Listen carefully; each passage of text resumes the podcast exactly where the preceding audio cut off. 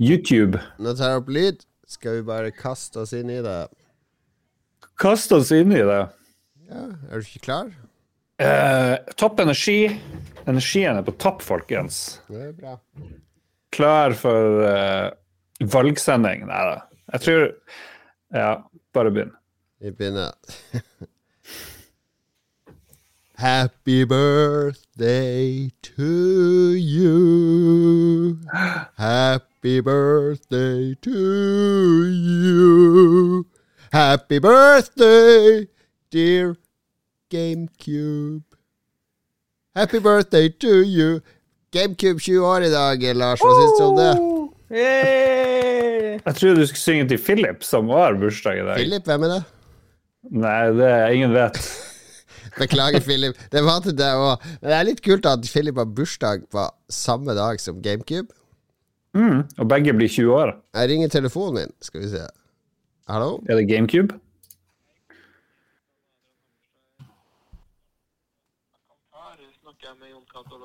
Yes, du snakker med meg. Ja, vi gjennomfører en undersøkelse om politiet på oppdrag for Politidirektoratet. Undersøkelsen den besvares konfidensielt. Har du anledning til å delta? Oh, Er det jo hvor lang tid tar det? Eh, Ca. 30 minutter. Nei, det går går ikke da. Jeg sitter midt i opptak. 30 minutter. Takk. Eh, ja, neste uke er jeg ledig. Hei, du. Du må si du ringer han, ikke han ringer ikke deg. Sa 13 minutter. Vet du hva de estimatene der på sånne undersøkelser, det holder aldri. Det er bare ganger gange med to med en gang. Ja, og det lurer jeg Fordi det var en gang det, de ringte meg med en sånn undersøkelse hvor tydelig var det, som politikk. Så tydeligvis var kjøpt av noe sånn der Folkeparti Eller det der Nei til bompenger eller noe sånt. Det var sånn verdens mest ledende spørsmål. Syns du at du skal spise gress resten av livet for at, uh, for at vi skal redde planeten? Det var liksom på det nivået. Og så vil de ikke si hvem som sto bak undersøkelsen. Sier eh, du, det her spørsmålet her er så dumme, jeg har ikke lyst til å svare på Jeg har ikke lyst til å bidra til det her. Kan du si hvem som står bak? Nei, det kan vi ikke si. Så den undersøkelsen skulle ta tre minutter, det tok sånn ti minutter bare fordi jeg skulle kverulere. Hmm, hvem kan ha stått bak den? Hvem er de store fiendene til miljøet? Det må ha vært han Mats som sto bak den undersøkelsen der. Beklager for den. For Det- det her er total avsporing fra starten. Vi skulle snakke litt om GameCube eh, nå som er 20 år, gutta.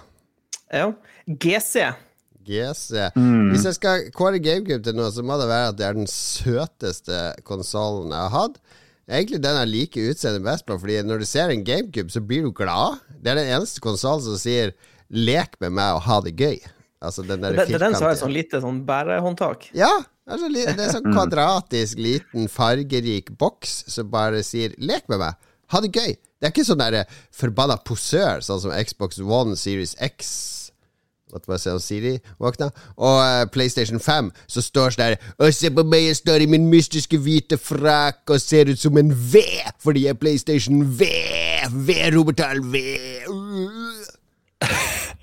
Det er Jeg syns at, at alle konsoller burde ha en sånn hånd, et håndtak. Det er kanskje det beste med hele greia. Ja. Ja. Jeg, jeg, jeg syns at PlayStation 5 ser litt ut som en sånn kake. En litt sånn fancy kake. Har litt lyst til å liksom skjære den opp og ta meg et stykke. ja, når den ligger sidelengs. Ja, jeg kan Ja, når se den ligger det. sidelengs. Ja, Ja, ja. den ligger, Kaken mm. har begynt å smelte For litt. ja, for den har liksom, den har liksom bølga form, og så kan det se ut som det er noe sånn krem eller noe sånt. Det ser ut som sånn halvveis Salvador Dali. For det skulle, det skulle, når den bøyer seg ut, de to hvite der, de skulle bøyd seg i samme retning, sånn at det ser ut som den smelter ned over bordkanten. Det hadde Ja, vært kunstnerisk. Ja. Forslag til PlayStation 6. Smelta konsoll som renner utover TV-benken. Do it, Sony. Hva, har vi noe vi kan si om Xbox Series X uh, i det hele tatt? Den, den ser bare uh, en stor firkant uh, det- Den er jo veldig Kubrick. Det ser ut som et miniatyrkjøleskap, og så kommer det jo et miniatyrkjøleskap. Ja, De har gravd alle Xbox Series X opp fra månen. Det er min teori. Det er sånn monolitt. Det er sånne monolitter, små Ja. monolitter. Ja, jeg kjenner jeg får litt lyst til å ta fram en sånn der eh, femur og banke i bakken mens jeg hopper rundt og lager sånne appelyder når jeg når jeg Ja. om Eh, Xbox. En ekte monolitt i Kubik skal jo ha målene 1, 4, 9, er det ikke det? Én gang én, to ganger to og tre ganger tre. Det er jo det, det er matematisk mål, ikke sant? Holy shit. Har du ikke tenkt på Så det, Mats? analt. Nei.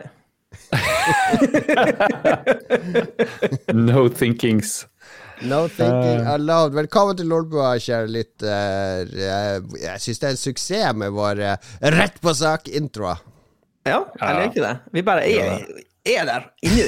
Vi klarer, å, vi, vi, vi klarer ikke å la være å snakke om det, da. Det er jo det eneste. Nei, det, vi må det slutte å Det utstråler dårlig selvtillit. vi gjør det mindre magisk med å snakke om det. Ja, ja, ja. Men det vi må snakke om denne gangen I går, da satt Lars eh, Hvor var det i harstad.no hadde valgvake? Var det på A. Rorbua, B. Utheim eller C. Eh, Nordlendingen? Valgvake er jo noe politikerne har. Vi får jo besøkte valgvaken. Men hvis Lolbua skulle ha valgvake, da hadde vi vært på Utheim. Den mest harry uteplassen i Harstad. Ja.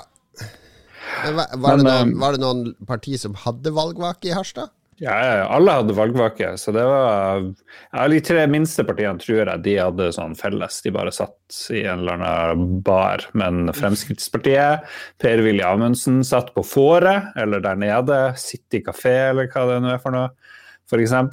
Så Ja. alle hadde, hadde sine, sine greier. Ja. Og du farta da fra vake til vake? Nei, jeg jobba hjemmefra. Det var noen andre som for rundt og styrte på. Jeg skrev. Jeg skrev den store kommentaren i dag. Det, det var litt artig. Oi, Jeg skulle liksom oi. samle litt tråder. Men det, det jeg endte opp med da, til slutt, det var å skrive hva er For vi mistet så mange. Vi mista to stortingsrepresentanter som, som trakk seg. Den ene trakk seg, den andre ble ikke, fikk var ikke på valg i det hele tatt. Så nå har vi kun Per-Willy. Og så forsvinner jo hele regjeringa, så alle våre politiske rådgivere og alt det der, de forsvinner jo også. Så nå har Harstad bare én sånn person i maktens indre gemakker. Så jeg skrev en sak om hvem er de nye Rising Stars som skal inn fra Harstad og inn, i, inn til Oslo. Til maktens korridorer. Eh, Det er bare én, er det ikke det? Er, er det noen? Du sa at det var Nei, ingen? Ja, det, det var jo tre stortingsrepresentanter fra Harstad før det Ja, valget. her. for, men nå er det bare Per-Willy. Nå er det bare Per Oeley. Når du satt og skrev den kommentaren, Lars, fikk du en sånn veldig stor trang til å ta på deg skjorte med en sånn genservest over, og noen sånne tjukke briller, og begynne å røyke sigaretter? Ja, jo, det, det, er, det er det der med å liksom synse og sånt. Og det kan er jo liksom- trøste deg med at hele Nord-Norge har jo en representant fra Pasientpartiet, eller hva det heter, som vel fikk sånn 40% stemmer i forskjellige distrikter i, i Finnmark. Pasientfokus. Pasientfokus. 40 masse prosent i Alta og 20, nesten 30 i Kautokeino. Ja. Ja. Det, det er friskt. Det liker jeg. Min far stilte jo til stortingsvalg i 89, var det det? Noe sånt. Og han ble eh, kicka ut fordi det var en sånn pasientfokusliste som tok det eh, mandatet som pappa Høyre-mannen skulle ha. Det var noe som het Aune-lista. Det var sånn Finnmarksopprør-greier. Så da kom han ikke seg inn. Det var noe sånn elve eller demning eller noe sånt. Nei, det var noe Jeg husker ikke, jeg var jo så liten. Men, eh, men han kom i regjering, da. Høyre ble, fikk regjering. Pappa ble eh, statssekretær i Næringsdepartementet, så det var gøy. Ja, for vel det at uh, Harstad er vel en sånn skikkelig høyreby, eller det var en høyreby back in the day. Det var det. Det var en Ap-by. Ja. Det er det. Kjempeinteressant for alle. Du driver alle lytterne og bare Ja, forsvinner. Lokalpolitikk i Harstad, vær så god! Men når du sitter og skrev kommentar som alle sånne nordnorske aviskommentatorer, klarte du å vinkle det, få inn eh, en solid dose Oslo-hatt? Det er veldig viktig når det er politisk kommentator i Nord-Norge, så skal det alltid være eh, Oslo sin skyld. Ja, du, du er jo kanskje inne på noe, men det var null Oslo-hatt. Det var mer hvem skal vi få ned til Oslo og liksom få lov til å reise ned. Så det Ja, var mer det. hva- Dere, du vet jo Johannes uh, Utvåg. Vår, Ja, ja, vår eh, lytter. Han er jo ute nå. Han kan, Han er ute. Han er jo politisk rådgiver i Forsvarsdepartementet, så det blir jo gøy å se hva han finner på. For han har ikke tenkt å forsvinne. Jeg tilbød han jobb med en gang i, i Harstad, men uh, han mente at det var, det var et for stort sprang ned. Ja, det er jo gigantisk sprang ned. Det er jo ingen som går fra PR, rådgivning eller noe sånt til journalistikk. Det eneste, det eneste som har gjort det, det er den rådgiveren rådgiver til Sylvi Listhaug, og han holdt ut to år, tre år i din eh, Mm. partneravis, Nettavisen, før han spratt tilbake inn i Listhaugs eh, eh, barm. Noen ganger så får man en sjel, ikke sant. Du vil jobbe for frihet, for ytringsfrihet. Da går du til journalistikken gjør et solid stykke ærlig arbeid. Ja, ja, ja. ja, ja, ja, ja, ja. Nei, men eh, det var da Det jeg merka når det var valg eh, Har du noe mer valgrefleksjoner, Lars? Um, ja Vilje representerer han Harstad, men han har vel jobba i Oslo i 25 år nå? Han har vært stortingsrepresentant i 20 år ja, akkurat nå. Hva, hvilke Harstad-saker er det han har fremma i, i Stortinget? Frihet, likhet, brorskap. Er ikke det sånn man burde følge opp for sine representanter? Hva har du Du har vært fire år på Stortinget nå. Hva har du fått til for Harstad, som representant for Som Harstad har sendt ned landsdelen? Fått, eh, de vil si okay, det er Ingen som syns det er gøy, men han- de vil jo si at eh, ingen regjering har brukt like mye penger på veier og sånne ting. Politi, bla, bla, bla. Alt det der vil jeg si. Ok. Ingen Ja. som har lagt ned flere sykehus, eller gjort Nord-Norge om til færre fylker heller. Nei, nei, nei. Men valg eh, Du er jo en MDG-mann, eh, Jon Cato, og jeg har jo òg snust litt på Ai, MDG. ai, ai. Eh, og må si jeg ble litt sjokkert over den lave oppslutninga. Jeg var sikker på at de skulle havne over sperregrensa. Hva er det som skjer med MDG? Hva, hva klarer ikke for mer enn 4 Hva er det som skjer i Norge? Jeg så han Hasse Hope var litt sånn sint og fikk litt pepper på Twitter. Ja. Bare hva, Er det noen som har fått med seg hva som har skjedd i år i det hele tatt? Og så får ikke MDG flere stemmer, var hans argument, og det kan jeg jo skjønne. Eh, Jeg mener jo miljø er kanskje den viktigste saken. Og så mener jeg at MDG er kjempeviktig fordi at de løfter den saken opp på et sånn kjempetungt, altoppslukende nivå. Eh, og så er det no, Mye av funksjonen som MDG har hatt nå, er jo at de har blitt en så stor trussel at alle andre plutselig må ja, ok, vi, vi må faktisk seriøst gjøre noe med miljøet, vi òg. Så det at Rødt og SV og eh, andre, Venstre og andre partier eh, har utre, på en måned har liksom kasta seg rundt, og vi skal faktisk eh, gjøre noe med miljøet, vi òg, er jo en seier i seg sjøl. Ikke sant? Så jeg har ikke vært så opptatt av at MDG skal ha så mye makt, men de har en Deres eksistens er ved å være en trussel for de andre, så tvinger de de andre til å tenke mer på MDG. Så Ja. for meg var det ikke noe sånn der eh, sperregrense eller ikke sperregrense. Bare få miljøet på dagsorden. Eh, få Ja. fokus på det. Få eh, te- begynne å tenke beyond olje osv. Så, videre. så Jo jeg, jeg syns det var enig. bedre Altså, jeg, jeg koser meg jo litt med at KrF går ut med det, fordi jeg mener religion har ikke noe i politikk å gjøre. Hvis partiet ditt skal være basert på et religiøst livssyn, så, så syns jeg kanskje Hvis det skal trumfe Du vet at KrF var det eneste partiet på Stortinget som stemte mot innføring av fargefjernsyn i Norge. Det får jeg holde med svart-hvitt! Hva skal vi med dette fargespetakkelet? Jeg er sikker på at de stemte mot internett òg i sin tid. Ja. Jeg tenker at De som eh, bare Å, yes, MDG kom under sperregrensa. Jeg tror ikke de tenker over det du sa, da, at de har fått halvparten av partiene i Norge til å tenke veldig mye på miljø. Så de har jo for så vidt klart sin agenda. Men det er jo litt rart at de ikke fikk flere direkte stemmer. De fikk, Anywho. eh, du kan jo si det sånn, jeg tror eh, MDG fikk vel 120 000 stemmer eller noe sånt. Det der pasientlista oppe i Finnmark fikk 4000 stemmer og en representant. Så at eh, de fikk ganske mange stemmer. Jeg tror de mangla 1600 stemmer eller noe sånt for å bikke 4 Uh, som er ganske lite. Ja. Men uh, man har jo en sånn der fordeling. eh, her som vi bor i Gokk, så skal du holde at tre stykk stemmer på noen, så kommer den personen inn på Stortinget. Mens her som vi Sånn bor i, i storbyen, så er det litt verre. Skal veie opp for Oslo Røkla. Hva du skulle si, Mats? Du hadde et godt innspill. Nei, jeg skulle bare si at vi har jo alle gode erfaringer med ting som blir lovd av forskjellige partier før valget, og at ting blir gjennomført. Med tanke på at alle begynner å snakke om klima rett før valget, så får vi se hvor mye som faktisk blir gjort. Ja. Vi får poeng. se, vi får se. Men det er ikke sikkert jeg stemmer MDG neste valg. Eh, noe jeg lærte også av dette valget, er jo at herregud, hvor lite investert jeg er om det er Høyre eller Arbeiderpartiet som fortsetter å styre, for det blir jo 95% likt. Det, det er det som er mitt problem med norsk politikk. og sånn. Jeg klarer ikke å bry meg, rett og slett, for jeg vet at det kommer til å bli så lite endringer uansett. Jeg tror det er en stor løgn det der at det er så likt, ikke sant. Det Ja, men hvordan, hvordan store forandringer har vi hatt i Norge når vi har vokst opp, Lars, basert på hvem som har sittet i regjering? Kan du si meg noe? Lakrispipe Reform 94. Reform Ja. Lakrispipe Det er jo, det er jo bare sånn ball. Ja, men det, tenk du hvis du ser på valget i USA, så virker det som det, det står jo- om liv og død. ting. Ikke sant? Ja, ikke sant? Og det er jo en bra ting at det er sånn. At, Ja, det er jo det som er deilig. Det er så Mm. komfortabelt, fordi det er relativt fornuftig, oppegående partier. Altså, jeg jo jeg er mer bekymra for Senterpartiet eh, i en regjering enn jeg er en høyreregjering, sånn strengt tatt. Ja, Jeg vil ikke høre et ondt ord om Senterpartiet her. men hvis systemet hadde vært annerledes, og høyresida fikk styre helt fritt alene uten at de måtte sitte i koalis koalisjon, ikke sant? kollisjon. Eh, Det handler jo om retninger, koalisjoner, Så hadde jo alt av sykehus og eldreomsorg og sånt, da hadde jo blitt privatisert. Eh, Det hadde blitt veldig åpna for det.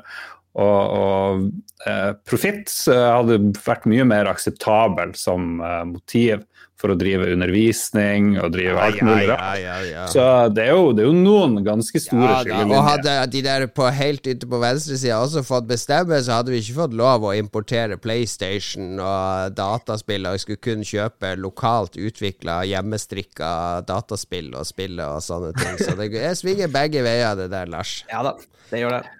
Det, det ene argumentet var ekte, det andre var fortsatt fantasi.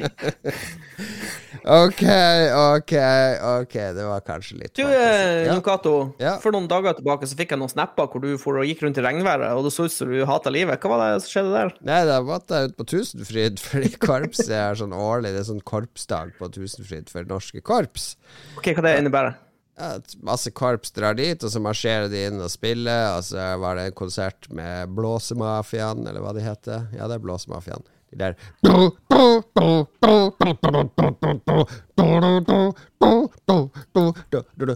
De der eh, Melodi Grand Prix-trompetistene.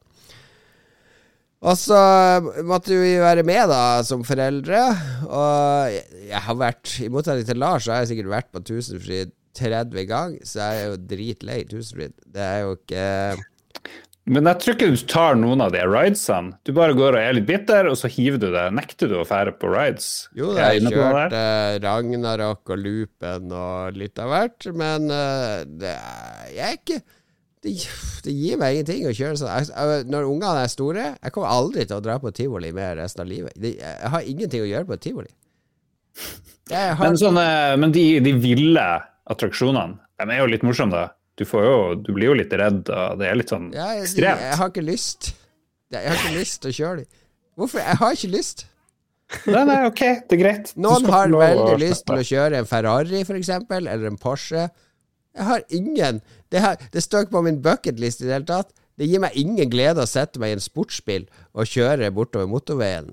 Og, uh, uh, uh. Altså, noen ting gir meg ikke glede. Ok, vi har skjønt det. Ja. Det er ok. Ja, ærlig sagt, det. Du har, du har sikkert sånn òg med mange ting, Lars. Der er vi bare Ja, ja. Det, jo, jo. Nei, men det jeg skjønner vi traff en nerve der med, uh, med Tusenfryd. Ja. Skjedde det noe bra i Tusenfryd? Ja, det er ungene koser seg jo, så det er jo gøy. Det er jo gøy å se på de, da. Men så er det er bare sånn Hele opplegget er sånn der øh, Jeg blir sliten av det. Går rundt med masse folk og unger overalt. Og jeg er en enstøing. Må inn, innse det. Jeg syns det er litt dårlig gjort at folk i Oslo bare ikke bruker de tilbudene de har, mens vi ellers i landsdelen er veldig misunnelige. Så dere burde jo liksom dra dit, filme, vise hvordan det er. Hvor langt er det fra Oslo sentrum til Tusenfryd? Fra her jeg bor, er det 22 minutter. Ja, ja, det er jo, det er jo eh, rett kort. utenfor døra. Ja, det er kort for oss i Oslo. Det er kjempelangt for de som eh, har barn som må ta buss i 20 minutter for å gå på skole. Men det var en annen episode. Nå er det nok politikk. Herregud. Mats, du har skrevet Nordreisa. Ja. Jeg har vært på eh, nordnorsk mesterskap i Åh. uh, pistolpang forrige helg. Guns, guns, guns. Nei, det var eh, Det ble litt sånn her oppdelt i år. Vanligvis bruker det å være en så stor match på Østlandet en plass. Mm. Men det ble litt delt opp, så det ble liksom øst, eh, vest, eh, nord og midt. da. Så Nordreisa tok på seg å arrangere nordnorsk mesterskap. Så var jeg, jeg og en annen dude fra klubben kjørte opp dit. Jeg var ikke klar over at det var så langt opp til Nordreisa. Jeg tenkte sånn, ja ja, kjøre til Bjerkvik, og så svinger du av opp mot Setermoen, og så kjører du litt utfor Setermoen, så er det Nordreisa. Nei, når du er til Setermoen, så er det fire timer igjen før du er i Nordreisa, liksom. Så det var mye lenger nord enn jeg trodde. Hadde det- Hvis det hadde gått tog dit, hadde du tatt det da, i stedet? Eh, ja Hvorfor ikke? 1400 kroner tur-retur med toget til Nordreisa. Ja, nå skal det sies, nå kjørte vi Vi kjørte en sånn svær bobil som slukte bensin. Ja, ja, ja, så det hadde sikkert kosta like mye å bare ta toget. Ja. Men, uh, men det var ålreit. Jeg har aldri vært der oppe. Det er jo et sånn, eh, sånn nasjonalparkområde, så det var utrolig fint der. Uh, Du har jo vært der. Det er jo der, like i nærheten, Gildetunet. Der ah, du er, Gild- er det Gildetunet? Ja, ja. Hvis du Ja, okay. fortsetter innover, så Å, Ja, herregud, så nå har jeg lokalt vært, det skal bli Da nå, da! Ja. I min barndom har jeg vært der. Neida, men eh, nei, bare kort. Det var match i helga. Vi var litt uheldige med været, så det var regn. Så vi skjøt jo på lørdagen, og da starta det med at det var veldig kaldt, og at det regna. Så du fikk en sånn skikkelig kalddusj før du begynte å skyte, så det var litt uh, bummer.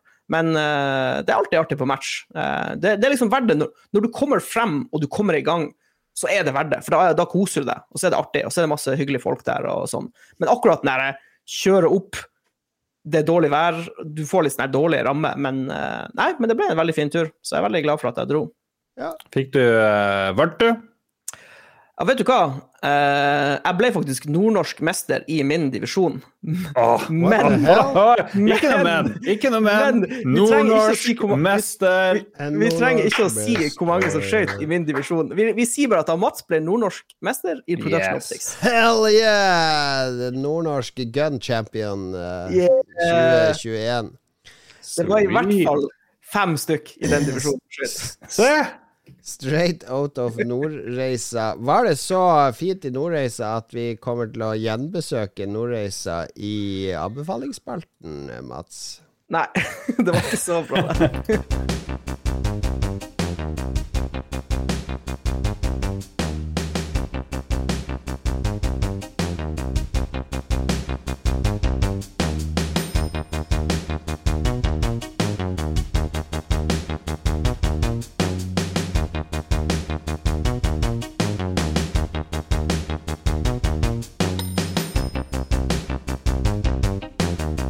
det. Kjente uh, PC-spillet Blake Gold and uh, Nei, hva heter han? Blake Stone and uh, Gold Aliens fra 1993. Husker du Apogee Interactive eller noe sånt? Hadde masse sånne PC-spill på denne tida. Jeg husker de hadde der Raptor, eller hva det heter, som var sånn her eh, scroller-shooter. De, de var vel også de som hadde Duke Nukem og Rise of the Triad og sånn etter hvert? Altså, Ja, Rise of the Triad! De hadde Rise of the Triad. Det var jo magisk spill. De var vel involvert med 3D-realms på et eller annet vis òg. Ja. Anbefaler alle å slå opp Blake Stone, 'Aliens of Gold'. Det er et fantastisk eh, eh, provoserende cover. Det, det kan så være. Det kan så være. Eh, Blake Stone, eh, i hvert fall eh, tidlig 90-talls PC-spillmusikk vi hørte der. Eh, og heldigvis har vi spilt litt nyere ting siden da. Forrige uke var jo helt katastrofe. Vi tok med Katarina og tenkte vi skulle få litt sånn current events fra vår eh, USA-korrespondent. Men nei da, hun hadde jo spilt eldgamle ting, hun òg. Og Lars går jo ned memory lane konstant. Jeg hadde svikta vårt publikum og bare spilt Destiny, men nå nå har vi nye ting. Eller vi har litt Destiny òg, fordi Mats jeg klart å lokke deg tilbake til Destiny. ja. Nå, um, du har sikkert snakka litt om Destiny 2 og den nye sesongen, men jeg vil bare nevne kjapt. Vi spilte vi, Jeg har klart å lokke med noen kompiser også. Mm. Og så fant vi ut i går kveld at uh, vi skal spille en sånn dungeon som heter Prophecy. Ja, Jeg vet ikke om du har vært borti den, Jon Cato? det er den du accesser fra tårnet, er det det? Stemmer det, ja. Og jeg tenkte sånn, ja ja, dungeon, tre players. Ja, det er sikkert du går inn i en sånn grotte, og så blaster du en boss, og så får du en reward, og så er du ferdig. Nei, det var jo, det var jo et lite mini-raid. Altså, Ja, det, var, det- var på en måte som et treplayer-raid. Så vi holdt jo på i over to timer med den der dungeon, men det var så kult! Det var så bra lagd. Sånn her, eh, du starter liksom inni en sånn her mørk tunnel, og så er det, skal du åpne noen dører, og da må du bruke en sånn eh, light og dark mechanic. For å, du skyter liksom monster. Hvis du skyter monster yeah. når det er mørke, så dropper de dark modes. Hvis du skyter når det lyser, så dropper det light modes. Så kommer du deg videre, og så kommer du deg opp på en slags eh, plattform hvor det er en boss. Så viser det seg at det her er ikke en boss, det er bare en sånn liten minidude du må ta for å gå videre. Så åpner det seg opp og blir et sånn gigastort område hvor du bare flyr ned i blant sånne pyramider, og du er ute i noe sånn svær ørken. Og jeg ble helt eh, sjokkert, rett og slett, over Ja. hvor, hvor omfattende eh, den dungeon-greia der var. Og det ble jo egentlig kompisene mine også, for vi trodde, vi trodde det var en så lite strike. Ja, det- ut, liksom. Nei, det er det eh, en sånn mellomting mellom strike og raid, eh, men, men Ja. veldig kult laga. Det er det, Nå har de jo flere år med content å kose seg med, og så har de spissa ting ganske bra. Og så har du det RPG-elementet større nå, fordi du har builds. Eh, du kan Ja, gå, lage en del grad. builds i mye større grad som går for forskjellig damage dealing eller support og andre ting. Som du ikke ikke hadde mulighet til før. Så at eh, det har fått en dybde og kompleksitet som jeg setter veldig pris på. Ja, ja, og så eh, og så har de det der core-gameplayet med bare skytinga og slåssinga med fiendene som fungerer veldig bra. Altså, det er veldig Mm. tilfredsstillende. Det er veldig bra, det er kjempebra, gamle Desti 2. Nei, men eh, jeg syns de eh, Jeg var litt redd når Bungie gikk indie, da, og Ja. skulle klare seg sjøl. Men jeg, det virker som de er inne i en god, eh, god rytme nå, syns jeg. Funnet formen, rett og slett. Det er neppe nok til å få Lars tilbake. Da må du ned i Tror vi har 30 frames, 1080P, og spille på en PlayStation 3 helst. eh, Med, med lakris og uh, Walt of Glass. Nei, det, må, det må refreshes på, på konsoll, ellers er det bare Dette er så bra på PC. Men det er jo bra på PS5, da, 60 frames og sånn. Men du har ikke F FOV, da. Du må- Ja, det er nettopp det. Det ser ut som et ti år gammelt spill når du hopper inn der. Det, jeg klarer ikke. Det er et eller annet. Jeg beklager at jeg skal være en reality check på deres Lars. Hippieaktige verden. Ja, ta oss heller snakke om det spillet som ser ut som et eh, 30 år gammelt spill, som du har spilt i stedet. Ja, jeg driver og Hva er nærmer FB-en i ditt spill, Lars?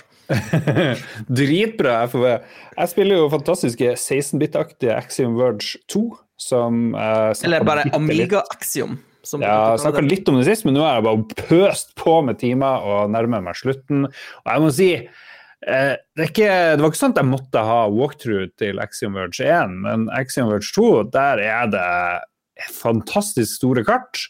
Fantastisk lite detaljerte uh, sånne in game maps som gjør at du sliter litt med å se hva faen er det som skjer her. Og så er det så mye ting. Du plukker opp så mye ting og hjelpemidler.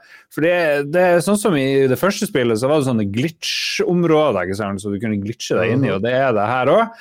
Men her er det sånn at OK, her ser jeg det er en glitch, men jeg må få nytt en ny ability for å dra glitchen mot meg. Det er ikke sånn du skal bare gå inn her. Du må liksom smunne glitchene, og så går du inn i glitch-verden, og så må du plutselig få et item som gjør at du hopper ut derfra, og så havner du på en ny plass i den virkelige verden. Og det begynner å bli, begynner å bli veldig komplisert, folkens. Og, og alle hvor jeg skal, og det er fett svært, og det, er- det tar jo en million år å backtracke, selv om du kan fast travel etter hvert. Jeg vet ikke, jeg liker det veldig godt. Det er liksom min type ting. Er du sikker på at du liker det, Lars? Det det, men det krever mye jobb. Krever mye av deg sjøl. Er det sånn at du må begynne å ha et sånn Excel-ark ved siden Ja. av en laptop? Du må ansette en kartograf, egentlig helst. Og Det sånn husker jeg, jeg spilte Legends of Grimrock, og da er det en mode hvor du ikke får det der kartet, og da må du ha et sånn herre da må du ha et sånn ruteark også med blyant og tegne hvor du går, sånn at du ikke går der vill, for det er helt håpløst uten det. Så det vil jeg anbefale. Du vet de der eh, mattearkene med sånn rute? Kjøp deg sånn, og så, og så er ei rute én skjerm, og så fargelegger du bare hvor du har gått. Ja. Jeg, jeg anbefaler at du prøver det spillet, og så ser du for deg hvor stort det arket ditt skal Du være. vet jo at hvis Mats prøver det spillet i kveld, så har han runda det i morgen tidlig, og så sier han Ja. til deg at det var ikke noe problem, Lars. Gitt Gud, Lars! du er, du er jævla pingle, kommer han til å si til deg. Jeg garanterer deg at han kommer til å si at det var ikke så ille, men han kommer til å si at det er noe i det. Det er noe i det. Ja. Du, du er inne på noe, Lars. Jeg er inne på noe, men det var ikke så ille, blir det å si. Ok, så du hater Axiom Verge. Nei da, det er fint, men eh, det er ikke så smooth. Det er ikke noe som Goti, sånn som Axiom Verge 1 var. Det er litt mer ufokusert. Eh, jeg, ser, jeg kjenner smerten til han Thomas Zapp. Han har bare lagd det her i en sånn der fe- feberdrøm, og hvor han driver og har angst Men- hele tida. Br Brukte han mye kortere tid på å lage Action Verge 2 eller 1? For det føles som Action Verge 1 brukte han liksom ni ni og et halvt år på å lage, og så plutselig kom bare Action jo Verge 2. lære seg alt når han lagde Action Verge 1. Men Ja, det er jo, sant. det er jo fem-seks år siden ved eneren kom, da. Ja, det er Ja. sant. Men jeg hadde samme problem med Axiom Verge 1, at jeg syntes det ble så stort og rotete at jeg fant det ikke frem. Så det kan jo ha noe med eh, mindset og innstilling og hvor godt man connecter med spillet Ja. å gjøre. Hvis du connecter veldig dypt med spillet og blir involvert og følger med litt ekstra når du spiller, så, så er det kanskje annerledes. Så kanskje Exoverge Verge 2 du ikke er på riktig sted til å connecte med det her og nå. Ja, jeg tror jeg har helt rett. Du Måtte bare med? åpne vinduet. Jeg måtte åpne vinduet. Det var... Føltes som koft her inne. Er det et vanlig ord? Du sitter jo faen meg med diger lusekofte på deg. Du får vintergenser! Jeg har sånn tjukk bukse. Det var i september. Sitter du med stillongs og boblebukse. Mm, ja, jeg gjør det. Sitter med helårs Nei, jeg gjør ikke det. det er, dere har 25 grader i Oslo, vi har sånn Det er syv. altfor varmt i Oslo. Jeg er så lei av det. du har ikke syv grader inne i huset ditt, Lars. Jo. Ok, jeg har spilt to eh, splitter nye spill. Jeg begynte på Deathloop i ettermiddag, som er det Ja, nye Arcane. spillet til Arcane Lyon. eh, Som står bak Dishonored. Og eh, var det de som lagde Prey òg? Jeg tror kanskje det. Eh, Mm, Det var vel Arcane, ja. men om det var Det var Arcane i Austin, og så har du Arcane i Lyon. ja. Oi, unnskyld. Ai, unnskyld. Kommer, kommer hosten, røykosten? Ja, det kommer med en gang jeg prater om Lyon, Frankrike, vet du. Tenker franskmann som sitter og røyker sin sigarett og spiser min bagett. Sigarett, bagett Sånn er det. Sånn er alle franskmenn. Og da Er det, er det tilfeldig at sigarett og bagett rimer på hverandre? Ja, En sigarett og en bagett. Det er jo gammel sånn der eh, norsk Melodi Grand Prix-klassiker. Med, med han, han Leif Juster som sang den. Hadde på seg en alpelue og en sjef, og så står på skjerf En sigarett! En bagett! Jeg er en franskmann, og jeg skal spise bagett og røyke sigarett! Uh, Det Ok. Du topper, topper denne sendinga her, og det er bare å skru av alle sammen, for det blir ikke bedre. Der har vi tittelen, vet du. Sigarett og bagett. Lolbua 370, sigarett og bagett. Tenk at ingen har rima de to før. Jeg er mest sjokkert over Det jeg husker best her, er at du kalte han Leif Juster. Ja, det heter han Leif Juster. Ja, Leif, store, Fra store, ja, Justervesenet. men de, mange av de gamle storhetene har Leif Juster, og så har han Erik Bye Bye, eh, som, som sang om skuta og båter. og Jesus. Jesus lord. Nå er det humor. Nå nærmer vi oss eh. Radioresepsjon, eller pa, Paprika, eller hva det heter for noe nå. Papaya. Mm. Papaya. Papaya. Papaya. på en pod Har dere hørt? eh, Har dere prøvd den derre PodMe, eller hva det heter for noe? Nei. Nei, Nei. Nei. Ingen av oss har gjort det. Jeg har ikke råd til det. Jeg, jeg, så en kar som sier Det koster jo bare en halvliter øl i måneden! Kan jeg ta meg råd til mange timer? Så jo, men det koster meg også en halvliter øl for Amazon Prime i måneden, for eh, GamePass i måneden, for eh, Netflix koster det nesten to halvliter øl, for HBO koster det en halvliter øl, for Disney Pluss koster det en halvliter øl. Det blir faen meg flere kasser med øl til slutt. Eh, Spotify Altså, ikke kom og si 'Det koster meg en halvliter'. Ja, skal jeg bare høre på Papaya og ikke se på Netflix eller noe annet? Da koster det bare en halvliter øl i måneden. Ja. For en fordese den personen Mange eh, bekker små danner en stor Jeg tror det var en av lytterne våre som skrev det i kanskje- Så er beklager at jeg angrep deg, men jeg ga ikke noe navn, så dette kan ikke spores tilbake på deg, kjære lytter. Det er ingen som klarer å finne eh, søke litt på vår. Finne ut hvem som skrev det. Det er min take. Det er min take, det er min mikrofon. Mm. Det er jeg som bestemmer. Veldig bra. Jeg driver for, forresten og ikke klarer å slutte med uh, snus uten nikotin. Kan jeg bare skyte det Hva inn? er det her for noe? Eh, Du har slutta å snuse? Jeg slutta å snuse, men Men du må ikke, du kan ikke, du må ikke bruke noe sånn her eh, greier, Lars. Du må slutte helt. Du kan ikke ha noe Hva er det greia der? sukkerpose. Så du, Er ikke det det, er, snus? Det er snus uten nikotin. Det er bare sånn plantevernmidler oppi der. Jeg vet. er Du driver og dytter noe sånn tøybleier tøybleie opp leppa, liksom, og later er som det sånn. det er lagd av gammel løvetann eller et eller annet. Det er liksom Er det noen som MDG i Harstad prakka på deg det der? Koster sikkert 2000 Nei. kroner for en boks. Jo, det er Nei, det er veldig billig i forhold til vanlig snus. Det er, Ok. men, ja. Gir det deg samme kicket? Nei, det er bare at du skal ha noe i kjeften. Åh, Det er som røykere. De putter inn lakrispipe i stedet. Det er Jeg har aldri sett en røyker som og patta på en lakrispipe. Ja, det er Frp vant valget på. Ok, så du, du har kutt, ja, Du må jo bare kutte det der òg. Jeg vet, jeg prøver, men det er veldig vanskelig. Men Det- Mats, skal ikke Ja. du dra til Lars, og så tar du en boks der den er full av sånne hvite greier, er det ikke det? ja, Jo. Få se her, nå kom eh, kommer et barn. Og uh, noen som får parkeringsbot. kom en regning til meg. Oi, oi, oi, noen har fått bot. Hvem er som har fått bot?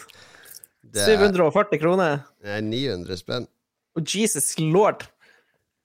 Ja, ja. Jeg fikk en er parkeringsbot under sending. Er det gateparkering bort for deg, eller? Nei, det er, uh, er min kone som har parkert Uh, på. Ai, ai, ai, ai, ai. Ah.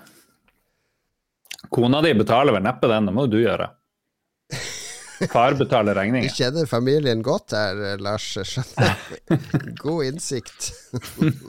ok, ok. Det ble, nå ble det mye avsporinger her. Blir, tror du dette er gøy å høre på? Avsporingsbua. Tviler veldig på at det er gøy, men uh, Sånn får Det det blir jo veldig sånn som å være med oss.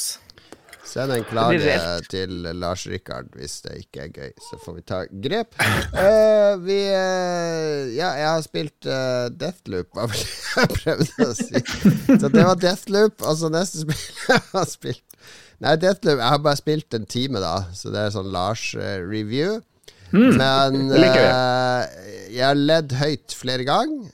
Det er veldig gøy, veldig smooth. Jeg skjønner Det ligger an til å bli ganske artig, rett og slett. Deathloop, eller hvordan spiller vi på nå? Deathloop. Deathloop. Deathloop. Veldig artig å lere. er ikke det sånn her eh, skytespill? Jo, jo, men det er ganske kult manus. Det er en sånn kar Er som våkner opp i sånn tidsloop, våkner opp på en strand og spyr og bare, vet ikke, husker ikke hva han heter, og alt mulig sånn. Og så ser han sånne bokstaver som henger i lufta her og der. Eh, og, og så, var det bare What the fuck? Står det virkelig det der? Ja, det står der, faktisk. Og, og nei og nei, og, og så der Du husker koden, sto det. Så What code? Ja, det er litt, ja, litt sånn morsom. Ja, veldig vittig, han der hovedpersonen. Er det noen kjente stemmer? Eller er det Nei, det tror jeg ikke. Det, Er det Louis C.K.? Det er ikke han. Jerry han, han er, eh, jeg, tror, jeg tror det er en eh, Jeg tror det er afroamerikaner, faktisk. eh, Både hovedperson og ho hoved... Jeg vet ikke om hun er protagonist, eller er en sånn dame også som driver og dreper deg hele tida. Det er sånn deathloop, så du blir drept, og så begynner du på nytt. Men det er ikke sånn rogue-greier, da. Så du beholder ganske veldig mye oppgraderinger og utstyr og sånn, så du kan lage en loadout når du går ut. Og så er det også en sånn online-bit, faktisk, der du kan være fiendene som prøver å drepe han. Så du kan gå inn og spille som fiendene, og liksom invadere verden til andre spillere og prøve å drepe dem. Som eh, er litt sånn Dark Souls-aktig. Akkurat det har jeg ikke snust på ennå. Eh, men eh, det er litt sånn weird, men det er veldig sånn Dishonored, Prey-aktig. Og så, og så ser jeg mange på nettet som bare jeg skjønner ikke helt hva dette spillet er! Går det ikke an å forklare meg? Er det online? Er det coop? Jeg skjønner det ikke. Bare spill det. Herregud, ro deg ned. Spillere er jo faen meg helt eh, sånn der sjuk på å vite Jeg skal vite nøyaktig! Nøyaktig hva dette spillet går ut på, før jeg, før jeg investerer mine hard earned dollars i det. Mens når det gjelder film, så er det sånn «Ja, For guds skyld, ikke vis meg en trailer! Ikke si noe! Hysj! Hysj! Hysj! Hysj! Hysj! Hysj! Nei, nei, nei! nei!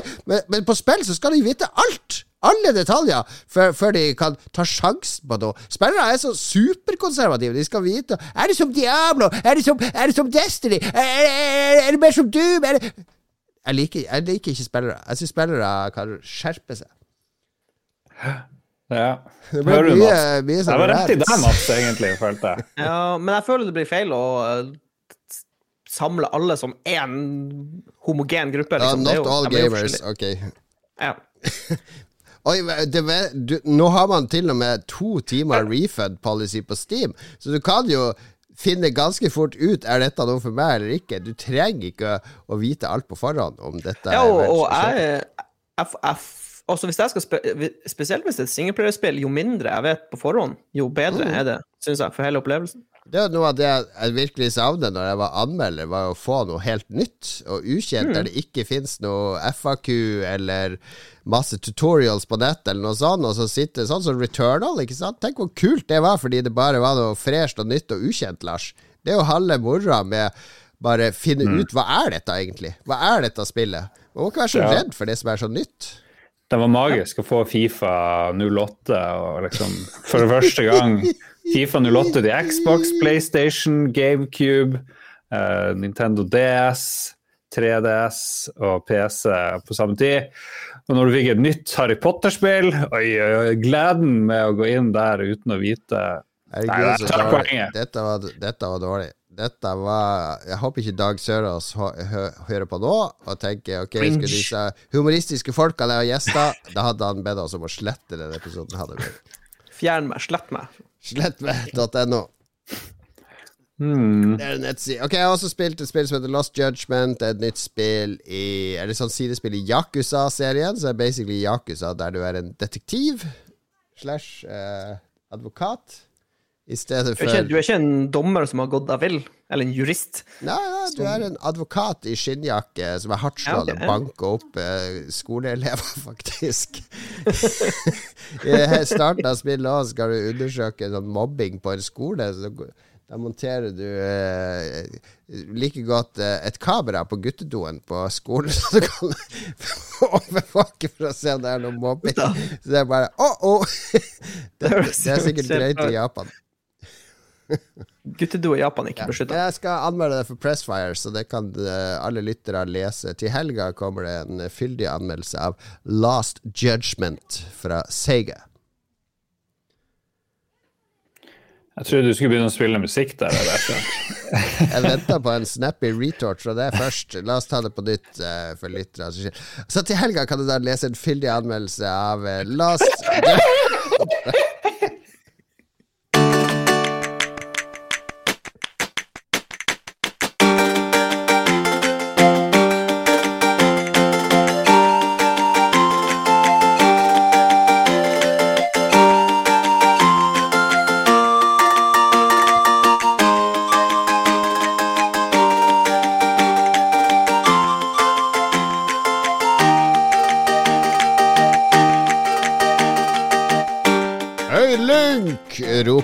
roper din i Selda Windwaker. Det var jo selvfølgelig Selda Windwaker vi hørte musikk fra der.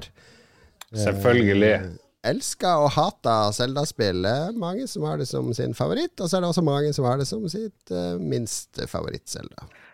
Deilig å seile. Fint å seile. Som Erik Bye sa. I Det er hildringstimen er det godt å seile. Du plukker rupisopp på bølgen blå. Ok, Erik, bye bye. Det, det får holde. Vi uh, Uff, nei, vi, vi har vakt, brakt uh, liv i det- Parido. Er det eller Leif Juster jeg ser komme borti korridoren? Pølsemaker, pølsemaker, hvor er du gjort av deg? Pølsemaker, pølsemaker. Vi har Parido-spalten. Vi lovte at vi aldri skulle vekke den til live, men så var vi litt sånn desperate etter å fylle sendeskjemaet med noe. Desperat Altså- etter sparkmelt. Og så var det, var det mm, valg i går, da. Og nå er det knallharde valgforeninger. Og Lars, du har jo faktisk klart å få en journalist inn i uh, møterommet der uh, de tre partilederne Jonas Gahr Støre, Audun Lysbakken og Trygve Slagsvold Vedum skal sitte og forhandle seg fram til en regjeringsplattform. Ja. Og så, Jeg vet ikke helt hva slags tema de uh, er opptatt av, men det får vi høre nå første gang. Kanskje de har flere tema. Kanskje det Ja, gud vet. Jeg kan hende. Ja, skal vi se Trygve Slagsvold Vedum. Mats, han er her, altså. Og Skal ikke Audun lese opp det Skal ikke lese opp det som står i sendeskjemaet. Er det Mats? Og hvem er det som er han? bare Mats, der er Trygve Slagsvold Vedum. Jeg bare sier Det har ikke noe med Mats å gjøre, egentlig. Nei, jeg, jeg, jeg står på utsida her med journalisten og venter spent på ja. lydopptaket fra inne i rommet. Ja. ja. OK, da, da trykker jeg på play her, så, så kjører vi i gang, folkens. All right. God dag. eh, Det er velkommen til mitt hotellrom, folkens. Ja, Tenkte vi kunne eh, samles her. Audun, hyggelig. Eh, nå er det jo strengt tatt eh, jeg som skal lede denne koalisjonsregjeringen. Jonas, så, Jonas. så jeg, det, det er er, Jonas, hold kjeften på deg, det er sent. Vi Se Nå- her. Nå, nå roer du deg ned litt, Audun. Du er eh, ung. Du er pen. Heia, heia, heia, gutta. Han, han Trygve kunne ikke komme, men eh, han fikk et latteranfall, så han måtte, han måtte gå ut. Men Hvem i all dere- verden er du? Det er jo Sandra. du? Sandra, hallo! Sandra? Oh my god. Men, Heia, heia! altså, jeg, jeg forlanger å forhandle gjerne, med Trygve. jeg vil gjerne at vi, vi, vi begynner å snakke om de viktige tingene med en gang, og det er nærme å, å styrke Nei. Forsvaret i Bardu og Målselv. I åtte år så har altså den regjeringa som har sittet, bare latt det gå helt, helt til skogen. Det er jeg Og vet dere hva? Vet dere at det er så mye bjørn nå i Nord-Norge? Og det er pga. at ikke Forsvaret er aktiv nok. Bjørn bare kommer jeg, jeg ut av hørt skogen at og tar eh, din bestefar ble spist av bjørn. Stemmer det, eller? Nei, altså Han ble delvis spist av en bjørn, men han klarte okay. å krabbe ut og redde seg sjøl og karre, karre seg bort fra den her bjørnen. Men det gikk, okay. altså, det gikk bra. Du tar, du tar all oppmerksomhet i disse forhandlingene, du, Sandra. Det er jo morsomt. Du blir sånn innslag på, på årsmøtet til julebordet til han Jeg og regjeringen. Trygve vi, vi bryr oss om bjørn. Ja, nå banker det på. Sa- Sandra! Hva, hva, jeg, du har, låst meg! Sandra, du skal ikke være i det, Jonas? Skal vi, skal vi få en til en regjering? Ja, nå er vi- nå er vi jo fire. Vi kan jo ha litt uh, Ta frem en pjolter, da, Sandra! Ja, ja, ja. hele folket. Hele Norge. Hele Norge. Alt folket. Folket og hele Norge. Nå er det fest, ja. Bastesen Bastesen kommer inn her nå og skal ha litt oppmerksomhet, altså.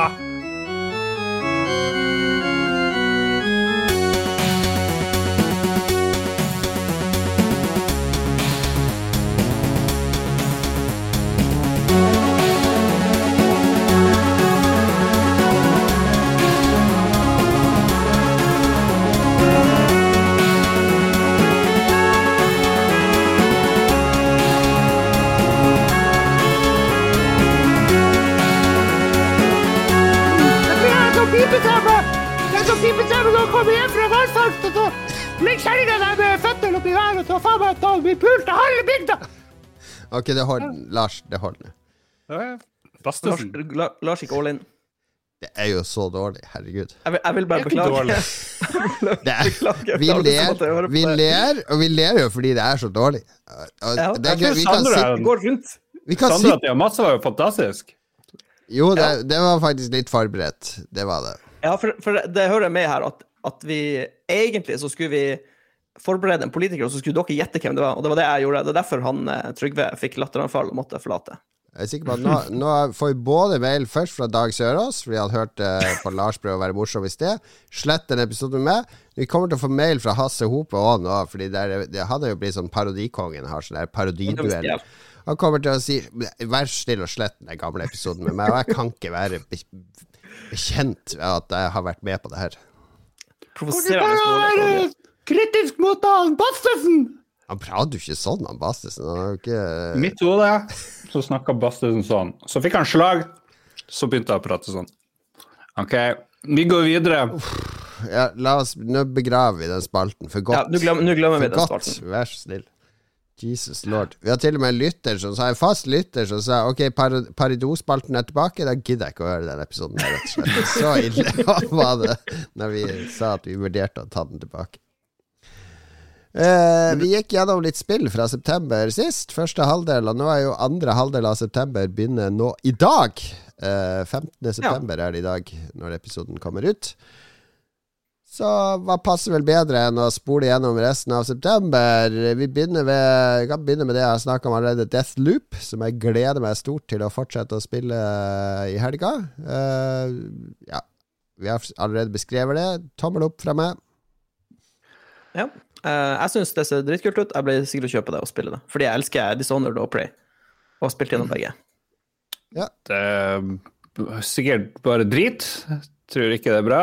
Selv om Jon Cato liker det, så blir jeg funnet det frem om tre år, og så later jeg som at Jon Cato aldri har anbefalt det. Det Takk for meg. Det er solid ut. eh, Det er metodikken din. Jeg kjenner til den. Neste spill ut heter Eastward. Welcome to the charming world of Eastworld. Population declining. Det skal du Det er litt sånn 2D eh, Det ser ut som det er litt sånn JRPG-inspirert. Lag av et, et selskap som heter Pixpill. Eh, og jeg må si det har en, en veldig søt visuell stil. Det er sånn top down, old school, Super Nintendo RPG-aktig. De sier at det er et, det er et single player, dual character adventure RPG with puzzle solving and dungeon elements. Ja. Mm. Ja, det ser bra ut, da. Trykker Ja. på alle skjermknappene mine, altså dette Eastward. Det er det å finne tid til alle disse spillene, men jeg, jeg har det allerede på wish-listen min, så jeg, jeg gir det en tommel opp. Det ser ut som et spill jeg kan nyte i en ferie, kanskje ta med meg på fjellhytta en helg med ungene og få, få plugga noen timer i det der. Hmm. Spennende. Det ser så bra ut. Oi, oi, oi. Det gjør det. Du er sjarmert nå, Lars. Får vi en sjelden Lars tommel opp? Ja, det Ja, vet du hva. Holy Det- shit. Det, det er veldig Ok, men da må jeg balansere det litt ut her. Vi kan ikke ha tre tommel opp så tidlig, så jeg gir det tommel ned, da. Bare for, Ok, to, to tomler opp til Eastward. Uh, 21. september kommer et spill på PlayStation 5. Uh, det kommer sikkert på fireren òg. Jeg vet det fordi jeg fikk mail fra PlayStation Norge om jeg var interessert i kode. Og så takker jeg faktisk nei, fordi jeg har for mye spill. Det er ikke sånn at jeg bare grabber alle koder. Ja takk, ja takk, ja takk. Og så bare laste ned og spille i ti minutter. Lars. Så jeg, jeg, jeg sa nei, også fordi når jeg ser på traileren Jeg vet ikke helt hva som skal feige meg med det spillet her. Det ser ut som en moderne versjon av Cameo, hvis dere husker det, på den originale Xbox 360. Uh, Rare-spillet Cam- Cameo. Cameo. Litt sånn der store hoder, eh, action, eventyr det ser ut som en. Pixar-film, gjør det ikke? Egentlig. Eller sånn, ja. Ja, men det er, det, det, det er ikke noe her som griper meg. Det er ikke noe her som sier 'dette har jeg lyst til å bruke 14-15 timer på'. Ja, dessverre så mistenker jeg at eh, kanskje combat og sånn ikke blir så spennende. Men eh, jeg vet ikke. Jeg, det blir sånn vente og se på anmeldelser, tenker jeg. Jeg tror ikke jeg blir å forhåndsbestille det, for å si det sånn. Ja. Nei. Nei, jeg er litt enig med han, Mats, men Ja. uh, Tre Ja. tomler ned. Nå er vi strenger mot PlayStation, altså. Det ser bra ut, da. Ja. Jeg tror det kan bli bra, men men det ser ikke ut som noe spesielt. Jeg husker da jeg snakka om Deathloop og Returnal og det her som har det lille mystiske Hva er egentlig dette? Det, får, det er ikke noe jeg får Jeg tror jeg vet akkurat hva jeg får i Kina, så forhåpentligvis blir jeg overraska at folk sier nei, nei, det er faktisk eh, noe dypt og kult her, så du bør Men du oppleve. jeg, jeg har lyst til å endre meg til tommel opp, for jeg syns det ser veldig bra ut. Nice. Jeg snur. Nice. mm, Jeg det er Jeg syns det, ser, det ser faktisk veldig bra ut. Det gjør det. Jeg likte, jeg likte hvordan det så ut. Eh, vi kjører Sitter du og spiser da, Lars? Sitter du og ja, spiser? det var noen Ja. tyggis. Jeg Jeg tror, jeg tror Det kanskje dette plagsomt. kommer til å bli eh, bio, det Biomutant håpte det skulle være. Kanskje det. Det er lov å håpe. Sable er neste ut. Uh, Xbox Sable. og kommer vel på PC og indiespill. Raw Fury. Uh, Jeg spilte demoen. Ja. Ja. Ah, ja. Uh, Snakka litt om det da. eh, Virker veldig lovende, men også litt sånn Det er litt Ja. modig med den visuelle stilen og ja. Jeg- Det ser ganske tynt ut. Det ser ut som det Ja. bare stil, bare substans. Nei, Mm. bare eh, looks, ingen substans, liksom, egentlig. Jeg er litt redd for at når du kommer over den visuelle stilen, at, det, at kanskje ikke spillet fenger like mye. Ja, vi ja, Mm. må nesten vente og se. ja. For du kan ikke bare lene deg på den visuelle stilen. Nei da, du kan Nei. ikke det. Uh, jeg vet litt for mye om, eh, om det spillet til at jeg kan ha en nøytral bedømmelse, men uh, jeg, jeg tror jeg får en kode nå ganske snart, så jeg, jeg må si jeg gleder meg til å teste det. Uh, Ja. og jeg er jo positivt innstilt. kom, altså, Lars som spiller spill i en halvtime, du trenger ikke så mye mer stil. Altså, da Jeg, det, spil, jeg sitter jo og spiller de her tingene i det siste i masse timer at jeg blir Jeg lei tenker på de dine gamle synder nå. Det er ikke så fort å glemme dine gamle Spill tutorial, to tabler opp. Det, er Sable. det ser ut som sånn Møbius-tegneseriegreier, gjør det ikke det? Riktig, det. Ja. Ser, ser sykt bra ut. Jeg velger å ha troa. Jeg tror også det blir helt genial lyd. Det er norsk lydmann på spillet, selvfølgelig. Vår venn Martin Kvale. Så ja, blir, Det blir bra. Håper det blir magisk. Krysser fingrene. Mm. Men så 23. september så kommer et spill som uh, Spill Jeg vet ikke om det Spillet er vel ikke så kontroversielt. Det er vel selskapet bak som har vært eh, hatt litt uh, Storma litt rundt i det siste. Og så er det jo en uh, remake av noe gammelt som var magisk for mange, inkludert deg, Mats. Vi snakker jo om Ja. Diablo 2 Resurrected. Resurrected. Liksom, hva er poenget med å spille toa når du har trea? Eh, Ja, altså, spørsmål. jeg tror det de prøver å cashe inn på, er jo bare ren nostalgi. Fordi det er mange folk som er i 30- og 40-årene, som spilte Diablo 2 på LAN når de var små, på en eh, CRT-monitor. Og så tenker de de karene de har lyst til å kjøpe Diablo 2 for å spille det, for å huske tilbake igjen til eh, den, den helga hvor de samla fire PC-er hjemme hos han eh, Børre i kjellerstua, og så spilte han ene Barbarian, og en spilte. Amazon. Så jeg vet ikke Ja, altså, det er jo helt innafor å cashe ut på nostalgi, men jeg føler at Diablo 2 ha, ha, har gode minner fra Diablo 2, og hvis jeg kjøper Diablo 2 Resurrected og spiller det, jeg tror ikke jeg blir å liksom ja. Jeg tror det kommer til å være morsomt i et par timer, og så blir det bare kjedelig. Jeg, jeg vet ikke. Ja. Men, er, men er det sånn at Diablo 2, eh, eller Diablo 3 tok deler av Diablo 2 og bare ekspanderte og hadde litt av de samme kartene? De der Nei, nei det, de, er, de, er, de er veldig annerledes. Diablo Det er veldig 2 og Diablo 3. annerledes. Ja, det kan egentlig ikke sammenlignes. Ja. Nei, men vet du hva, jeg er helt for Diablo 2, da. Jesus lord. Nei, jeg tror jo at eh, det, det som det jeg, jeg, handler vet, om jeg, vet, eh, Ja. jeg vet det er mange som gleder seg til, til Diablo 2 Resurrected, men jeg personlig klarer ikke å, å begeistre meg så mye for det. For jeg liksom, ja, Diablo 2, jeg er ferdig med det. Jeg har heller lyst på Diablo 4 eller Path of Exile 2 eller noe nytt. Liksom, for det er jo, det er jo skjedd ting i uh, action-RPG-sjangeren siden Diablo 2. Så hvorfor skal du gå tilbake i tid? Slutt å leve i fortida. Burde være en sånn klausul på at spill må være minst 40 år gammel før de kan remakes. Og du ser det jo, altså Hvis du ser på Shovel Knight og Eller kanskje et dårlig eksempel, men altså, du, kan, du kan lage et retro-action-RPG uten å lage et gammelt spill på nytt Ja, igjen. du kan pløye en ny mark ved Ja. å lage retrospill, rett og slett. Du trenger ikke å remake bare for nostalgien sin skyld. Nei. Men jeg tror, um, jeg tror selve produktet, altså spillet, kommer nok til å bli bra, for det er ganske eh, ja, solide folk som står bak det. Ja. Så jeg tror ikke det blir sånn Warcraft 3-fadesen. Det tror jeg ikke. Men eh, ja. Det blir et nytt Det blir et gammelt Diablo i ny drakt. Uh, for eh, Er det ikke Don't you guys have phones? Skulle det ikke komme noe Diablo på telefon nå? ja, hvor er Diablo 4 på mobiltelefonen? mobiltelefon? Give us the phone games, Blizzard dudes. dudes. You toxic dudes at Blizzard. Give us the phone. We have a phone. Here is my phone. Look at my phone. My phone is right here. It needs Diablo. Diablo. 666 Diablo. Jesus Christ. 24. september så kommer Yakuza Lost Judgment. Heter det det? Det Er heter det bare? Lost Judgment. Det er ikke Ja. sånn offisielt en del av Yakuza-timeline, men det er akkurat samme engine og alt.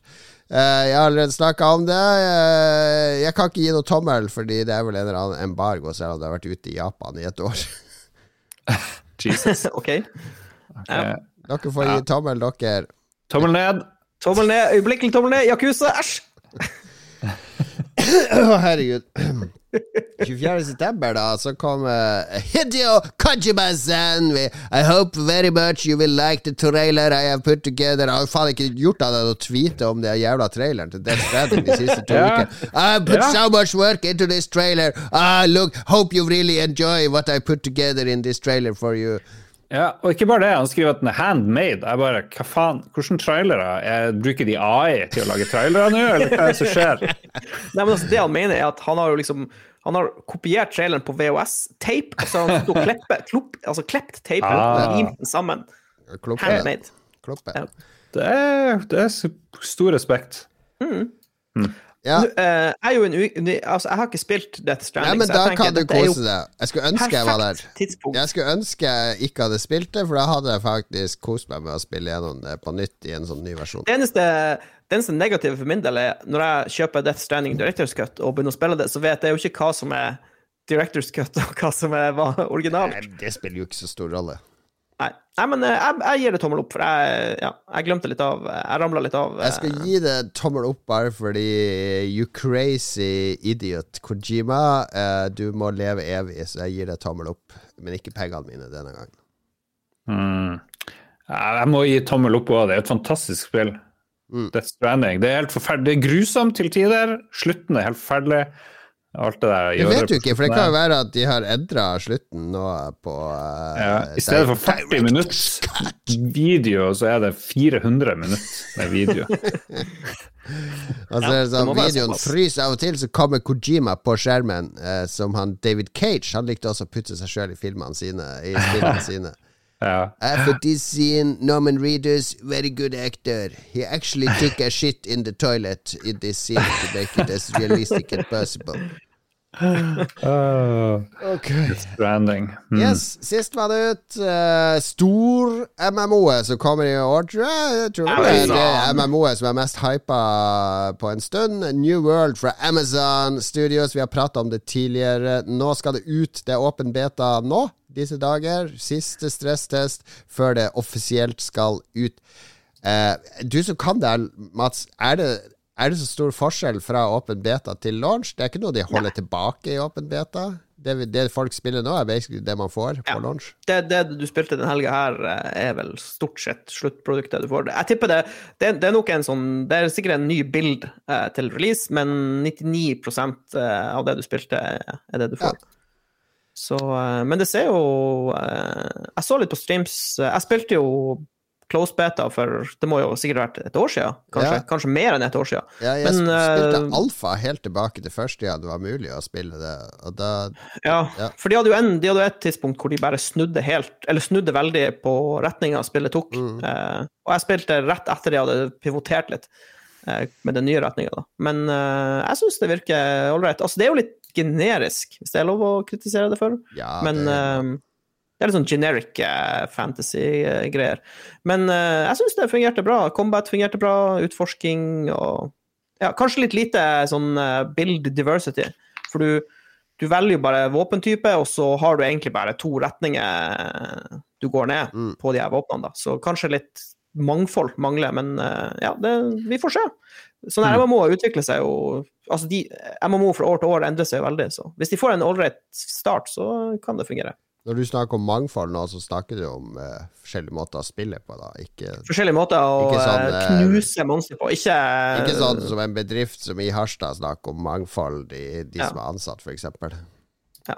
Eller har en plan for å øke mangfoldet i bedriften. Viktig med en mangfoldsplan. Mangfoldsplan Ja, mangfoldsplan må vi ha. Nei, Ja. Bastersen. Bastersen. Ja, Ja, mangfold. Tror du det var mangfold på båten til Bastensen? Nei. Nå, Er det etisk rett å støtte et Amazon-laga spill? Er ikke Amazon det farligste selskapet i verden akkurat nå? Driver og knuser fagforeninger, ødelegger verdens handelsstand. Bezos som trenger mer penger, så han kan bygge seg en større penisrakett.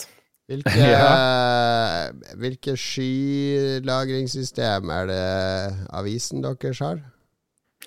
Jeg har ikke peiling.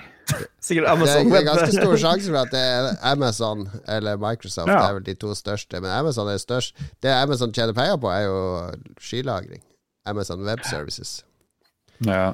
Så det er relativt stor sjanse for at du allerede er i sett, Amazon. eh, har Jeg skal trekke, jeg skal trekke avisen vår fra Cloud og ha den hjemme i stua du vet, når, du vet når du ser Formel 1, og så kommer det opp sånn eh, grafikk med dekkene, slitasje på dekkene, det er jo Amazon som sponser Ja. det. Det Er ikke eh, Amazon er ikke de sponsorer av et Formel 1-lag? Sikkert. Ja, sikkert. De eier jo alt i hele verden. Så, Apropos eh, Formel 1, la oss høre en låt fra det litt undervurderte uh, vi-spillet Excitebots, der insekter flyr om kapp med hverandre.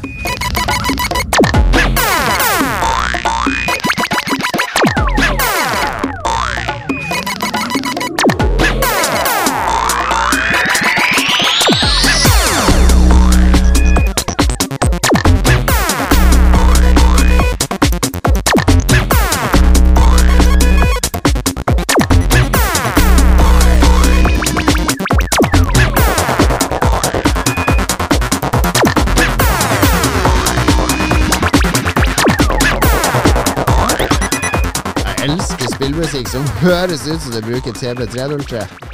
Ja, det der var jeg tenkte med en gang TB. Altså TB. Jeg blir så glad av TV av å høre en TB i en låt.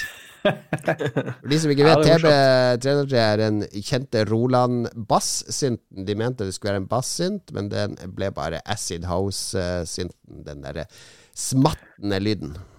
Vår venn DJ Funky Vader eh, kjøpte seg jo en sånn en, så vi var jo på i hvert fall én fest hvor han drev og spilte musikk med TB. 303, husker jeg. 303, 808 og 909 er vel de tre ikoniske Roland-syntene. Må ikke glemme 686-en heller. Let's go, anbefaling. Nå? Uff, nå er det mye rart. Nå blir det mye rart denne uka, ser jeg. Oi, oi, oi. Jeg advarer deg på forhånd, lytter. Her blir det Her er det, her er det mye spicy anbefalinger. Uff, ok. La oss begynne med Mats. egentlig- La oss begynne med Mats. La oss begynne med okay, Mats. Den ok. skjønner jeg. Jeg skjønner ikke Lars. Jeg vil tenke litt mer på den først. OK. Ja. Jeg har ei ganske enkel anbefaling. Jeg prøver å bli bedre på det. Jeg, er sånn her- jeg har vært en veldig sånn eh, ondskapsfull bruk-og-kast-person i, i mitt Ja. liv. Så nå skal, skal skal jeg løfte opp en stor stein, og så skal jeg snu den, og så skal jeg prøve å bli bedre. Så det jeg har gjort nå, er at jeg har eh, Hvis dere ser de klokkene her på meg nå, eh, det er seks-syv år gamle eh, sånn hifi-klokker Ah, ja. fra Fostex, som er veldig bra. Men det som skjer når du bruker klokke nesten hver dag, er at de blir veldig slitt, og så begynner de å falle litt fra hverandre. Men det eneste du trenger å gjøre, egentlig, er bare å bytte ut i puten. Eh, Og det koster ingenting. Du kan gå på Amazon, du kan gå på AliExpress og finne pute til nøyaktig den modellen du har. Bestille det, får det om et par uker, og så tar det, det tar to minutter å bytte det. Og da får du egentlig helt nye klokker. For det, du bytter ut puten, og så bytter du ut det stoffet mellom ørene dine og uh, høyttalerelementet. Ja. Hvis det er noe som varer evig i denne verden, så er det hifi-utstyr. Det, det er et eller annet med det. Altså høyttalere, klokke det, det varer bare evig. I hvert fall de elementene, høyttalerelementene. Ja, hvis, Så, hvis det er um, ordentlig vare, men sånn, sånn gaming-headset og sånn, det går Ja, jo sunt sant? hele Ja. tida. Ikke sant? Så ok, så det, da har jeg to anbefalinger, egentlig. Ja. For det første, hvis du har et, et gammelt hifi-headset som kanskje er litt slitt, bare gå på nettet og se om du kan finne nye puter. For det kan du sannsynligvis gjøre. Veldig billige nye puter, og så tar du de i bruk igjen. Eh, Og nummer to, ok, ja. hvis du, hvis du har et gaming-headset, eh, når det detter fra hverandre og bare går i oppløsning, vurder Mm. da å kjøpe et headset som kan vare 20 år. For det kan det, det kan det seriøst gjøre, hvis du kjøper et skikkelig headset. Er det ikke Ok, det som skurrer for meg Jeg er helt enig med deg i det du sier. Det er så skurrer for meg her, for et par episoder siden så satt dere og sånn Skal støtte det lokale næringslivet. Hvorfor kan du ikke dra på Antonsen radioservice eller på eh, Elkjøp eller Power og få pute der, i stedet for å gå på Alibaba og Amazon, eh, Mats? Det, ja, du skal sendes over halve verden, disse tingene? Dessverre, dessverre tror jeg at hvis du går på Elkjøp, så finner du det ikke. Fordi de, de har det ikke der. Men, men du har et godt poeng. Altså, hvis du har en eh, lokal sjappe, f.eks. noe sånn eh, Antons musikkservice, så kan du gå og høre. Kanskje, han kan, kanskje du kan bestille det gjennom han, eller noe sånt. Jeg vet ikke. Men Ja. det er verdt å Er du for ung til å huske Antonsen radioservice nede i eh, Sankt eh, Neida, jeg- jeg- jeg, for- Ridderset? En av bursdagsgavene jeg fikk, eh, Ghostbusters 2 til Amiga, fikk jeg, kjøpte ei tante på den butikken til meg. For eh, 800 kroner, eller noe Jeg er sånt. sikker på at Arne H. Johansen og Antonsen eh, radioservice De hadde fiksa de puten for det. De Men, hadde eh, de- fått tak i de- Eh, de putene er litt sånn nisjegreier. Altså, det er veldig spesifikt. Så det, det, du må sannsynligvis på nettet for å, for å få det. Men hvis du kan få det lokalt, kjør på. Men uansett, ikke kast headsetet ditt bare fordi det puten er slitt. Er da, da. Senterpartiet de kommer til å ordne opp i det her, da. Så vi får de putene lokalt innen et år. Det er jeg Ja. ganske sikker på. Eh, Hører dere F-35 over oss nå? jeg, hører, jeg hører det veldig godt ut for Nei, jeg hører ikke F-35 over De, eh, de har Oslo, sånn Oslo, øvelse selv om dere hører den i Harstad. Her hører du ikke lyden ned til Oslo. De, har, bare, de har fått beskjed fra Vedum om å fly litt rødt, vise at Forsvaret er i live her oppe. Folket har talt, de vil ha lokalt forsvar. Vis at dere er der. Og svi av litt bensin med det samme. Fuck miljøet.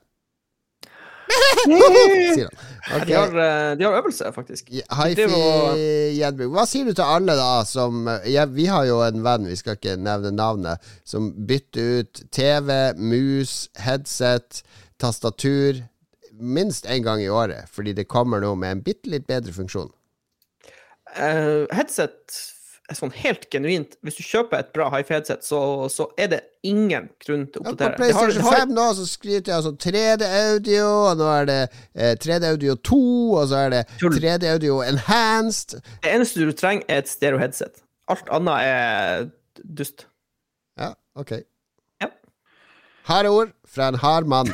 Han er tross alt norgesmester i, uh, i å plaffe løs med en pistol. Nei, ikke norgesmester. Okay.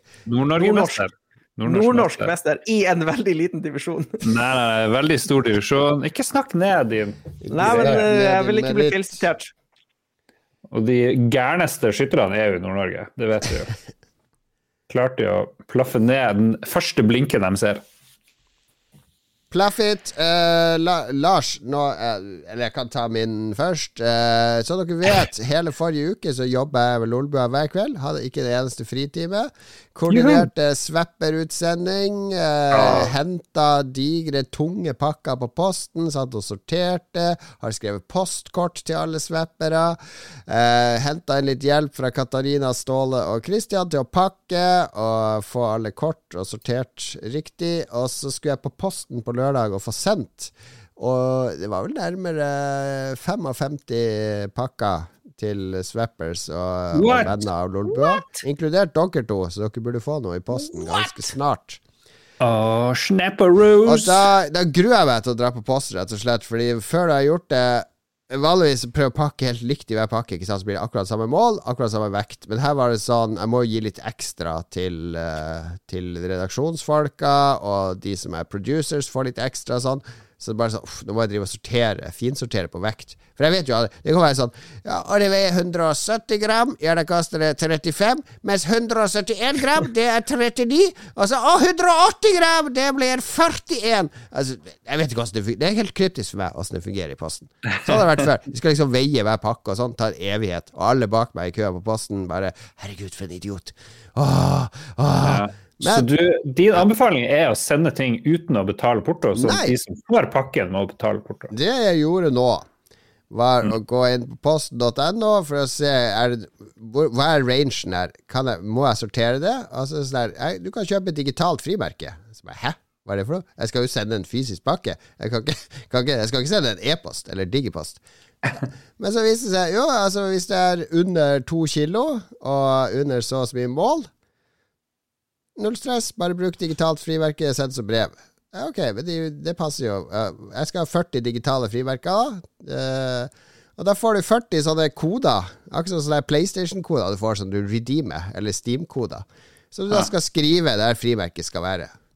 Så du må jo okay. skrive det for hånd, da. Du kan jo printe det ut hvis du vil, og Hvor mange på. tall er det? Er det 50 tall? 1, 2, 3, 4, 6, 7, 8, 9, 10, 11. 11 tall. Ah, det er litt mye. Ja, men det, det var jo så mye, egentlig. Det tok meg en halv time å skrive opp Alle er jo samme kode, da. Det er bare de to siste sifrene som går opp, eskalerer fra 01, 02, 03, 04 osv. Det var kjemperaskt å skrive på. Det oppe i høyre hjørne. Og så var det bare å gå og levere det på posten. Det var helt genialt. Vet du hva jeg også kunne gjort, hvis det var bare én pakke? Kunne bare lagt den i min egen postkasse. Så hadde postbudet tatt den med når han kom. What? Så langt har vi kommet i Oslo. Men nå har vi stemt i Senterpartiet, så da må vi få opp alle de lokale postkontorene! Legg ned disse tjenestene! For det, for det er jo hyggelig å gå på postkontoret der det står noen gamle folk i sånn rød genser og kan slikke på frimerkene for deg. Jeg vet hva, jeg ble så glad, jeg ble så overraska. Jøss! Vår progressive postene. Så tusen takk til Robin, vår venn som vi skal på hytta med neste uke. Tusen takk til Robin, som har fiksa disse tjenestene fra Posten. Han som har gjort alt det der sjøl. Ja, han er jo digital utvikler, så jeg gir han all æren. Gi den mannen lønnsforfremmelse, du postsjef. Det er Postens digitale frimerker. Og nå skjønner jeg hvorfor folk gidder å sitte på sånn eh, IB, eller på Finn og selge sånne småting hele tida. Fordi nå har jeg skjønt at mange av de sitter jo bare med masse konvolutter hjemme. Sleng i en konvolutt, skriv på et sånt digitalt frimerke, legg det i sin egen postkasse. Herregud, så enkelt! Jeg vet Jeg har aldri hørt deg være så glad for noe som helst i hele verden som det her er, altså. Ja, men nå ble jeg virkelig glad. Fordi du vet jo sjøl hvor mye Eller du vet jo ikke det, for du har aldri gjort Nei. det. Men det er mye jobb Ja. med det. Jeg har vært med deg en gang med noen soppergaver, faktisk. Ja, det var alt på- ferdig pakka og alt. Det eneste du gjorde, var å stå og filme, og så ble du nesten arrestert fordi det var ikke lov å filme på postkontoret. ja, jeg husker. Faen, det er naziposten. Det er ikke lov å filme på posten. Hva de tror de at det skal komme terroranslag? At de skal liksom kapre posten? Er det det? Nei, jeg får ikke lov å filme. Kommer det Det noen som skal liksom ta over det? Det har, Fly det meg har til Cuba! garantert vært en sånn lib libertarianer som har vært der sånn Å, nekter du meg? Ja, ja, ja, du nekter meg tjeneste! Ja, nå skal jeg filme det og dokumentere og legge ut på Facebook! Det er derfor de har gjort det, ikke sant? Jeg håper Dag Sørås hører på, hører på oss fremdeles. uh, nå er Dag Sørås Dag Sørås nå sitter og skrattler nede på Maglerud. Bare Det er en lolbua-gjenger, altså. What a bunch of jokers! What a, what a, what a guy! What a guy! What, what a guys! What, what, what a guys! Ok, Lars. Vi avslutter. La oss bli ferdig med den driten her. Jeg må komme med min fantastiske anbefaling. Ja, ja, ja. Ja. Den, er, den skulle være filmen Kate som går på Netflix, for jeg skjønte at alle lurte på hva er det at jeg skal anbefale Kate. Er det noe tvilsomt? Nei da, det er en helt dugende film satt i Tokyo og rundt omkring der. Veldig mye sånn Japan-runking, veldig god stemning. Du får se folk ta uh, autentisk japansk taxi og mye snikmyrder-shit på gang. Veldig koselig. Japansk Taxi er faktisk en av de tingene jeg savner mest i filmen. Jeg vet, jeg vet. Men det jeg skal anbefale, fordi nå fikk vi melding under uh, sending, er at uh, Norm MacDonald er død. En av mine absolutt favorittkomikere er død, så da må jeg jo anbefale å minnes han i stedet. Bare for å dra uh, stemninga langt ned. Han har, vært, han har hatt kreft i ni år, han har ikke liksom røpa det for noen. For jeg har lurt på hva er det som skjer med Norm MacDonald, fordi han har vært veldig inn og ut. Og så nå skulle han ha ny podkast, fikk jeg høre for ett eller to år siden, og bare forsvant helt eh, borte vekk. Og nå er han fuckings gone. 61 år gammel bare. Trodde han var eldre. Og han er jo liksom Han var ekspert i å fortelle sånne lange vitser med sånne helt idiotiske punchlines, og det syns jeg er helt fantastisk eh, morsomt. Han er en morsom fyr. Eller han var en morsom fyr. Var en morsom fyr. Så fucking hell, rippe Norm MacDonald. Det finnes en million bra ting om han på YouTube. Han hadde et litt sånn halvdårlig Netflix-show, det kan man jo også se på. Det, Men- det er en greie på YouTube hvor Norm MacDonald ble invitert på noe sånn YouTube-event. Og det er så fantastisk, fordi han, han bare slakter alt og alle, og han, han har ikke lyst til å være der, men han, han takker sikkert ja ironisk, og bare Det er så magisk. Jeg skal, jeg skal finne ut hva det heter. Mm. Åh, Norm. Norm, jeg savner deg.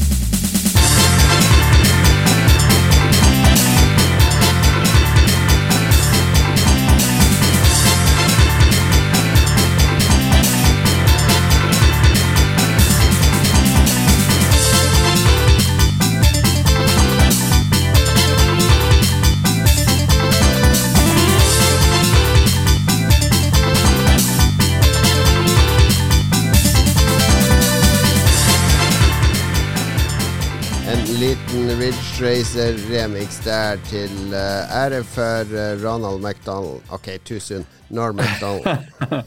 Åh, stakkars Norm. Eh, Det heter bare YouTube Big Live Comedy Show, eller noe sånt, hvis du går på YouTube. Det, det er amazing. Norm MacDonald. Lytterspalte, lytterspalte. Hvor har du gjort av deg? Lyttespalte, lyttespalte, har du sett et brev i dag? Vi er i Lolbua, vi skal Oslo. Herregud. Ok. Lytterspalten, ja. fucka meg Ja. få opp uh, Facebook. Var, Vi uh, lurte på uh, om folk var fornøyd med valget, og hvordan spillfigur egner seg best som statsminister i Norge. Ja. Ja. ja. Martin Pettersen rett og slett går rett på sak. Han kjører inn uh, Trevor fra GTA 5, den uh, psykopaten som driver uh, narko... Psykopat, han er jo bare misforstått. Narkobaron og psykopat Trevor. eh, glad i diverse rusmidler. Eh, mener at Trevor hadde vært det bra Trygve Trevor, er det noen likhetstrekk? Trygve Ja. og Trevor, ja.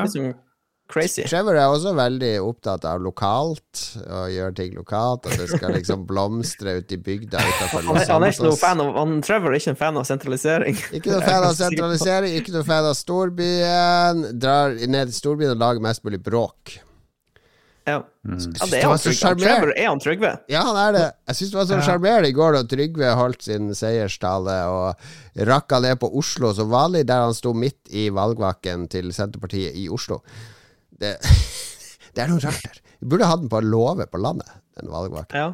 Ute på en traktor. Jeg, tok jeg har gått dypt ned i materien her, og uh, i noe DLC eller noe GTA ekstra, så fortsetter historien til Trevor, og han blir en sånn guru og en lifestyle coach etter eh, det her uh, litt sånn Men- urbane, ja, ikke urbane, rurale drug-skiten hans. Ja vel. Ja, så okay. jeg vet ikke, da blir han mer sånn MDG, føler jeg, eh, muligens. Ja, muligens. Han hadde vært en bra førstekandidat for MDG, da. Absolutt. Veldig glad i natur. Ja.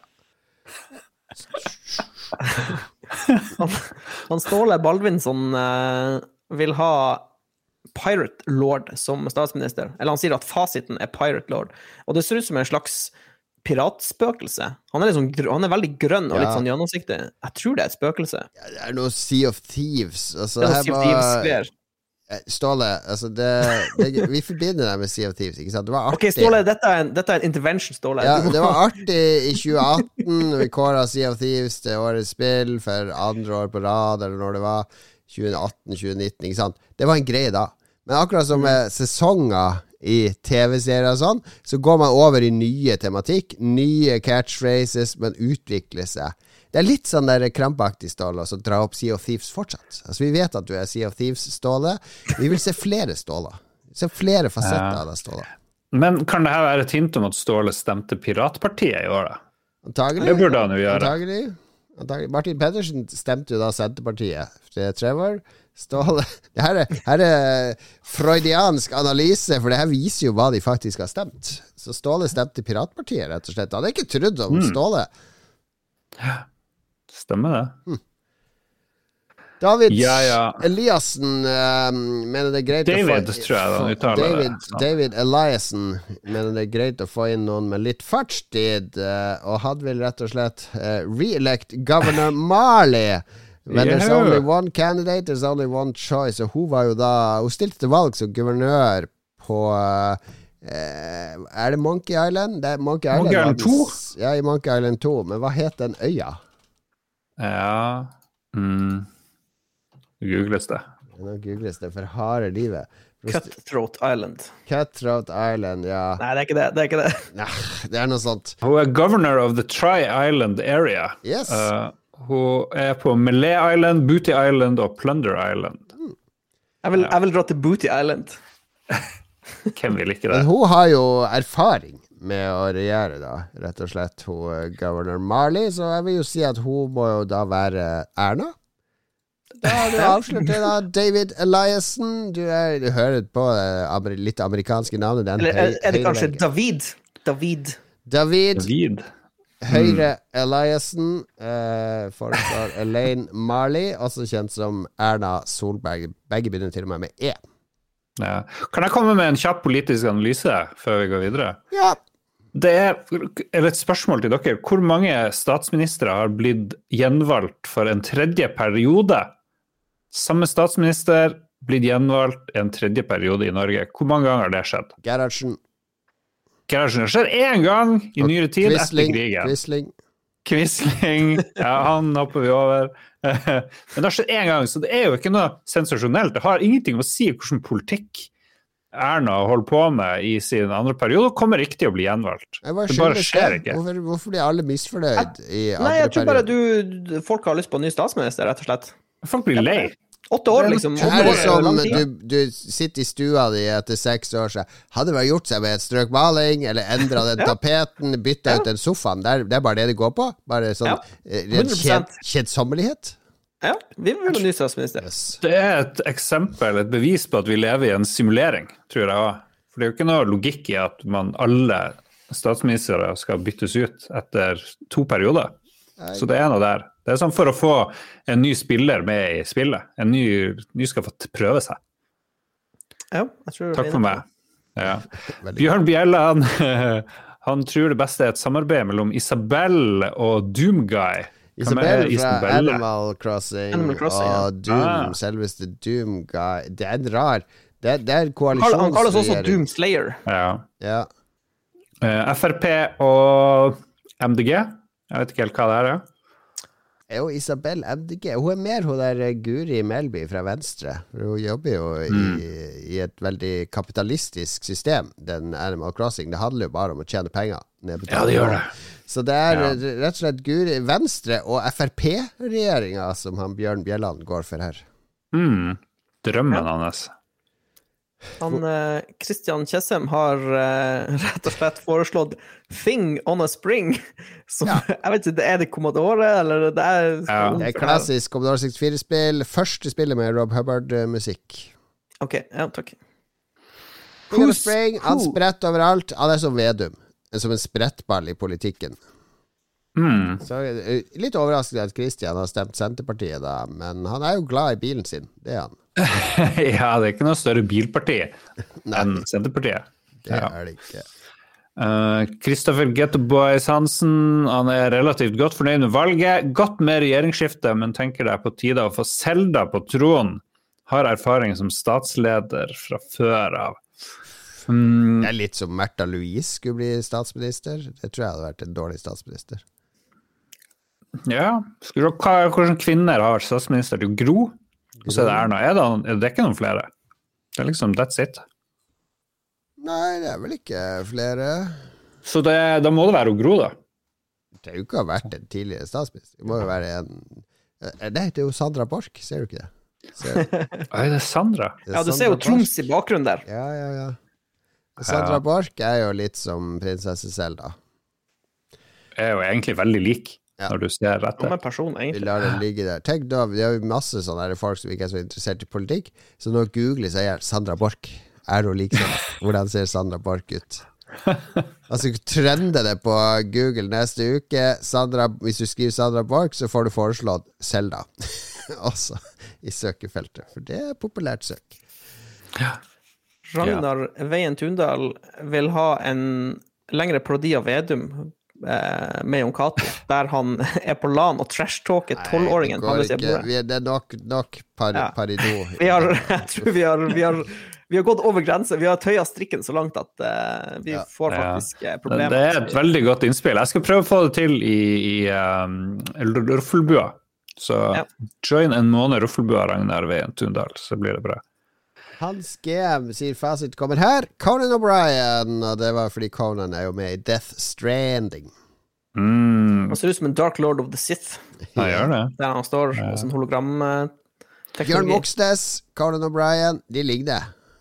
De ligner litt. Hvis Bjørn Moxnes hadde vært én meter høyere og hadde rødt hår. ginger. Ja.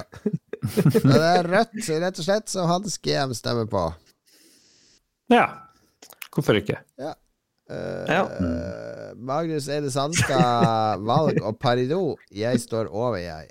Han hopper, han hopper bukk over hele greia, og det er sannsynligvis det smarteste Ja, valget ja, som er gjort. ja. Smart, smart det. Mm.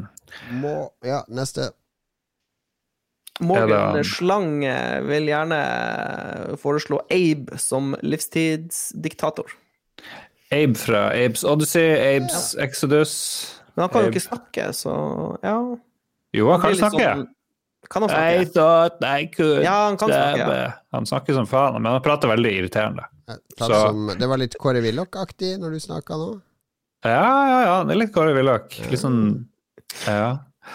Høyre. Gode, gamle Kåre. Kåre Morgens Lang, høyremann. Det hadde jeg ikke sett for meg. Nei. Er Kåre Willoch død? Er han i live? han er vel i live, han. Ja. Han må jo være 100 år gammel. Han har jo alltid sett ut som han var 100 år. Men han eh, er eh, 92, faktisk.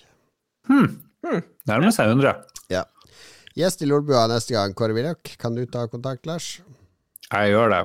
Jeg leste nemlig i Aftenposten at Ingeborg Moraus Hansen, som var kinosjef i Oslo når, vi bodde i, når du bodde i Oslo, Lars, Ja. hun, hun eh, lager podkast nå. Jesus Christ, alle lager podkast. Ja, ja, ja. Ingeborg òg. Til slutt er det Joakim Strandberg som har sendt inn så masse tekst som han tror vi skal lese opp. Ja. Ripp rusreformen. Det skal Joakim ha. Han er glad i en sak, og det holder han seg til, og det er rusreform. Eh, behandle, hjelp, ikke straff, og det er greit. Eh, men han tar jo med da at alle, av alle de ville dyra i Norge, så er det ulven som er valgets store taper eh, pga. Senterpartiet. Ja, Selvfølgelig. nå, blir det, nå blir det plassert ut mitraljøse på alle eh, riksveier og fylkesveier. Og, ja, ulven er, ligger tynt an. Mm. Ja, jeg lurer på at jeg vil at jeg skal svare klokt på en masse greier. Altså, jeg vil jo ikke at ulven skal dø, eller at det skal være mer elgjakt, eller alt mulig sånn, men uh, jeg uh... Er du mot elgjakt da? Det er jo jævlig mye elg, da. Nei, jeg ikke må, jeg er mot økologisk balanse. Og hvis det er mye elg, så er det jo greit å drepe litt elg. Men da må jo Ja. må også la ulven få lov å ta noen av barna våre, så det blir balanse i det. At de kan ta noen spedbarn, f.eks. Ja. Uh, jeg syns vi skal gi og ta med samme ånd. La elgen også Nå var det jo nettopp Var det ikke en elg som drepte to, to eh, Nei, det var en ku. En okse som drepte to folk i, i sommer i Norge. Ja, det, elgen, det var en elg som stjal masse biler og kjørte dit i Romania. Det er sant. Må man avlive en okse som dreper mennesker? For det gjør man med hunder, f.eks. Hvis en okse stanger i hjel et menneske, må den da avlives? Fordi den er mannevond? Spørs om den gir ekstra søt melk etterpå. Sweet killing juice. Fra, fra oksen. Jeg Murder er jo for økologisk balanse, men jeg, akkurat det kan jeg ingenting om. Jeg bare går ut fra at noen uh, Jeg stemmer MDG, så jeg skal slippe å tenke på det. For jeg tenker, de er for økologisk balanse. Ja, ja. De tar seg av det. Ja, det er et godt poeng. Da var vi ferdig med lytterspalten. Takk og pris. Eh, ja, ja. Det har jo blitt lansert iPhone 13 mens vi holdt på, så det gikk vi glipp av. I anførselstegn. Spennende. Ja, når vi nettopp snakka om at vi skal bruke elektronikken vår så lenge som mulig, og ditt og datt, og så kaster du deg Ingen rett på trenger iPhone 13. hype-karusellen. Det er derfor du har vært ditt fjerde det. Du har allerede sittet og skrevet mail til dine sjefer. 'Jeg trenger ny telefon. Det går så tregt å legge ut saker med min telefon.' Og tilfeldigvis går det an å bestille en ny iPhone akkurat nå. Jeg kan bestille så mye iPhone jeg vil, hvis jeg har lyst. Mr. Big Shot! Mr. Big Shot coming here! Da kan du vel også lese opp navnet på alle produsentene eh, med det samme. Yes, Mr. Big Shot skal nå lese opp Mr. Big Producers. Vi takker selvfølgelig absolutt alle som støtter oss på Patrion. Tusen hjertelig takk. Dere er helt magisk. Vi går i revers. Rekkefølge Reverse Cowgirl Edition, hvor Jan Christian Eide sitter på topp. Rett under Jan Christian så ligger Shant 59. Usikkert hva Shant 59 gjør i 59-stillinga. Uh, ved siden av og bare ser på, så står Øystein Reinertsen og lugger litt uh, i nesen. Og eh, fordi Stian Skjerven har nettopp fyrt på en sigarett, han er, ser litt sliten ut, Stian. Det er bare 4.30 igjen av den sangen, Lars. Det skal liksom være sånn at jeg kan ta den opp i volum og sånn ned. Så, eventyret. så kjapp litt på, da. Tenk et haiku til hver eneste. Jarle Pedersen kommer inn med et brett ananas eh, som han har fått fra Anne Beth. Som eh, kjøpte det på Rema 1000 hos Duke Jarlsberg, som fikk det flydd fra Gibraltar av Kobrakar 84, og alt det her er finansiert av narkopenger fra TT, MXMP, og det var våre produsenter denne uka. Tusen takk. Tusen takk til alle dere som ser på streamen vår òg. Og som vanlig så tar vi imot innspill, forslag osv. Er du swapper og har fått eh, gavepakke i posten, ta gjerne bilde og del i entorasjet vårt eller på vår discord, så vi får se om du likte det du fikk denne gangen. Og er du ikke swapper, sleng deg inn på Patrion, så blir du med og får julegave, du også. Bli med, du også. 2021 in the house. Ha det!